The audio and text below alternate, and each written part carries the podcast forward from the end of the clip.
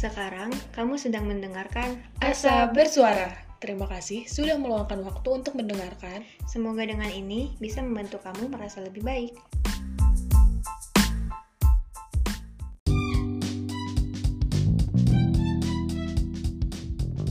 Halo Big Airs, gimana kabarnya? Aku berharap kalian sehat selalu di mana pun kalian ada. By the way, kalian inget gak sih kesehatan mental itu adalah aspek penting dalam kehidupan kita yang sering kali diabaikan. Dalam era yang penuh tekanan dan stres, menjaga kesehatan mental menjadi semakin penting. Jadi di podcast kali ini, kami akan memperkenalkan konsep kesehatan mental dan mengapa penting bagi kita untuk merawatnya. Menguatkan jiwa dan menjaga kesehatan mental merupakan aspek penting dalam mencapai kehidupan yang seimbang dan bahagia. Ada beberapa langkah yang dapat diambil untuk mengatasi kesehatan mental, membangun ketahanan, dan mencegah perilaku merusak diri. Pertama, penting untuk memahami dan menerima diri sendiri dengan segala kelebihan dan kekurangan. Memperkuat rasa percaya diri dan harga diri yang positif akan terus membantu mengelola stres dan mengurangi risiko perilaku merusak diri. Selanjutnya, perlu kita belajar bagaimana cara mengelola emosi dengan baik. Banyak sekali relaksasi seperti meditasi, pernapasan dalam, atau yoga untuk meredakan stres dan mencapai ketenangan batin.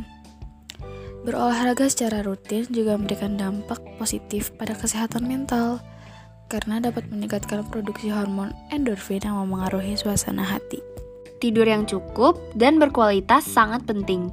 Pastikan kita memiliki pola tidur yang teratur dengan waktu tidur antara 7 sampai 8 jam setiap malam.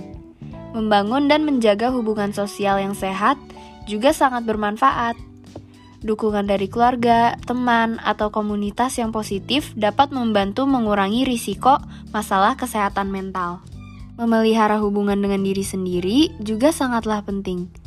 Luangkan waktu kita untuk merenung dan mengekspresikan diri melalui kegiatan yang memberikan kebahagiaan dan pemenuhan pribadi, seperti seni, menulis, atau musik. Nah, Pikers, jika kita menghadapi kesulitan yang sulit diatasi sendiri, jangan ragu untuk mencari bantuan profesional dari orang lain, seperti teman, keluarga, sahabat, atau orang terdekat kita. Mereka dapat memberikan dukungan. Ingatlah, setiap manusia itu memiliki kebutuhan yang berbeda. Dan jika kita atau seseorang yang kita kenal mengalami krisis atau perilaku merusak diri, segera cari bantuan darurat dan memberikan masukan, arahan yang positif supaya mereka tidak melakukan hal yang menyakiti diri sendiri.